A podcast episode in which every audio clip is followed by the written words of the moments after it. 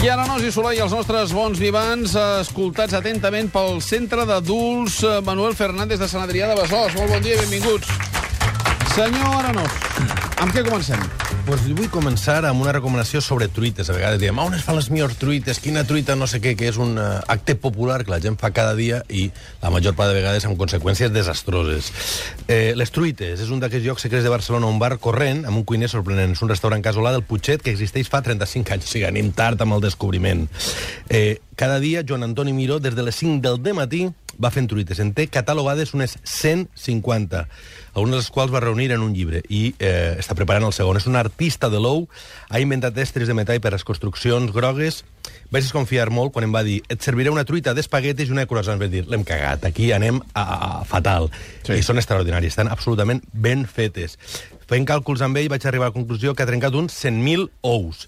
És una petita meravella, eh, la de ou de peix vermells i negres, amb Estem cranc i cobertura, i color Guinness i o trenada. estem a les bones truites? No estem a les dues coses. El, el rècord Guinness d'un bareto. És que és un bar del Putxet i també a les truites excel·lents. Aquests llocs que, que no hi entraries mai, que no et crida res l'atenció, però dins de satisfacció total. Preus de riure, riure total.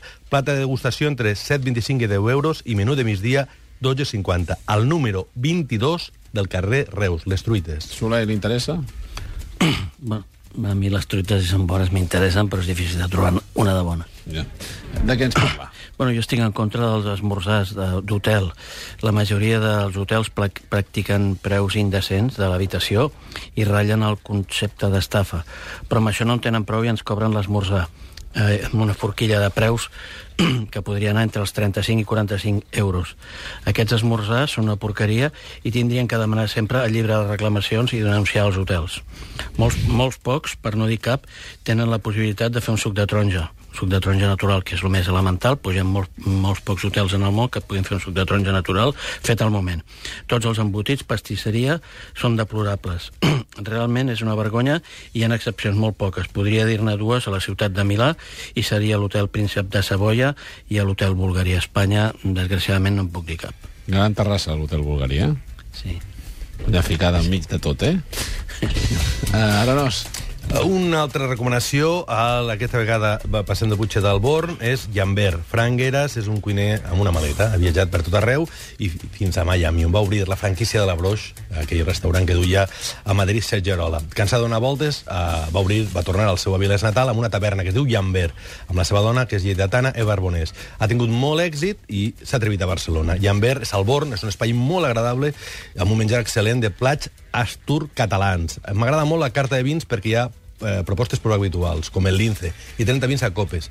Aquest faig un contra, un no m'agrada, que no, als restaurants no n'hi ha vins a copes, aquesta cosa n'hi ha tres vinets amb uns preus escandalosos, la copa a un preu que no es pot pagar en torn a 40 euros, a, a, en torn a 4 euros, i mm, m'agrada que hi hagi aquesta oferta 30, que tu puguis prendre dos, tres copetes, el que et vingui gust, o una, i no uh, obrir les ampolles.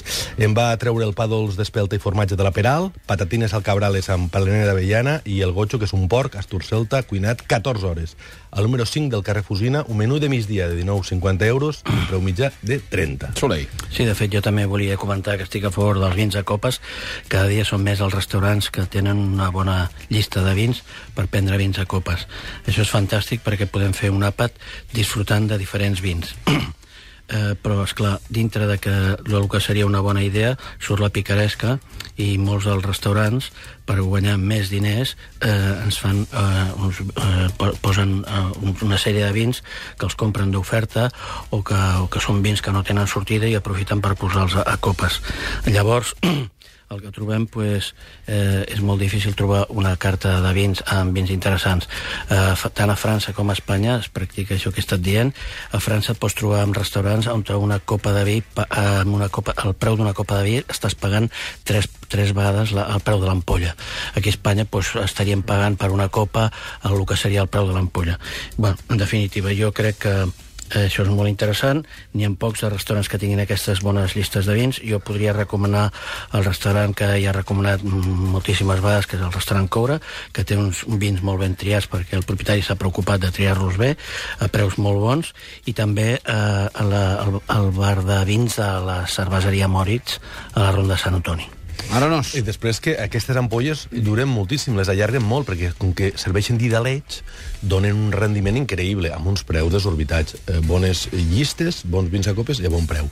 Bé, un vinet, parlem de vins amb una relació qualitat-preu fantàstica. Es diu La Fou, del 2010. És un vi de la Terra Alta, de Batea, un celler propietat de Ramon Roqueta. Es diu La Fou, és la fou, una fou és un barranc, garnatxa negra, xirà i morenillo, a 9,95 l'ampolla, per sota de 10 euros. Té dos germans més grans, més recomanables, eh, impressionants. El blanc els, els Amelers, a 12,50 euros, i el negre, la fou de Batea, a 30 euros. Però nosaltres avui parlem d'aquest de 9,95, la fou 2010. Ah eh, poc més de 5.000 ampolles cada una. Aquestes tirades tan grans que es fan en algunes regions, com la Rioja de milers de milers de litros, aquí estem parlant de viticultura, microviticultura, gent que fa coses molt ben fetes amb poques ampolles. També és un privilegi trobar-hi 2.000 ampolletes, així que s'ha de córrer a les botigues. Soleil. Bueno, jo he estat uns dies a Sardenya i he tornat meravellat i confirmant que per tindre els millors hotels i les millors platges en el Carib és un, un gran error. Tota la illa és màgica, però especialment l'anomenada Costa Esmeralda, Porto Cervo i Porto Rotondo. La gastronomia és única a nivell de que els bons restaurants que n'hi ha molts, practiquen una cuina mediterrània amb matèria prima local d'altíssima qualitat. Tant les verdures com els peixos són de, de, de la illa. En definitiva, Sardenya és el paraís absolut. Millor Còrsega o Sardenya? Sardenya, Sardenya. Millor que Còrsega, eh? Sí. I més barat. No, molt més car. Molt més car? Bueno, depèn per on vagi. Arenós. Una cosa que no m'ha agradat. Eh, hem parlat moltes vegades, jo vaig anunciant alguns tancaments que saben greu, gent que feia les coses bé, xavals joves, eh, franctiradors, eh, petits empresaris que han tancat. Aquest cas és un cas per mi sorprenent. És eh, Foc Calanuri que eh, ha durat molt poc, és del grup eh, Calanuri, ocupava el lloc de Calxim a Barcelona, al carrer Girona en Diagonal, i va durar poc més de 4 mesos, i és sorprenent perquè hi havia un xef, un xef en personalitat, que es diu Ferran Soler, que per mi no ha tingut temps de desenvolupar el projecte, i ja que a darrere hi ha un suport financer d'un grup, deixa algú a construir i a fer alguna cosa important.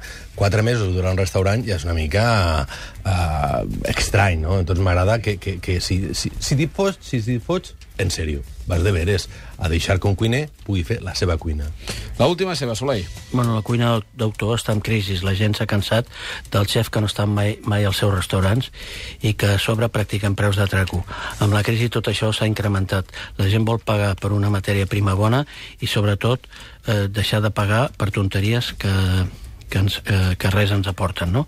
Eh, ja hem dit moltes vegades que tots els cuiners i crítics del món diuen que els seus millors àpats han set sempre a l'Etxebarri o a Nalibai, restaurants que practiquen una cuina autèntica de producte. Doncs, senyors, moltíssimes gràcies. Mínima pausa, arriben els glaucs i després els problemes domèstics. Ja venim.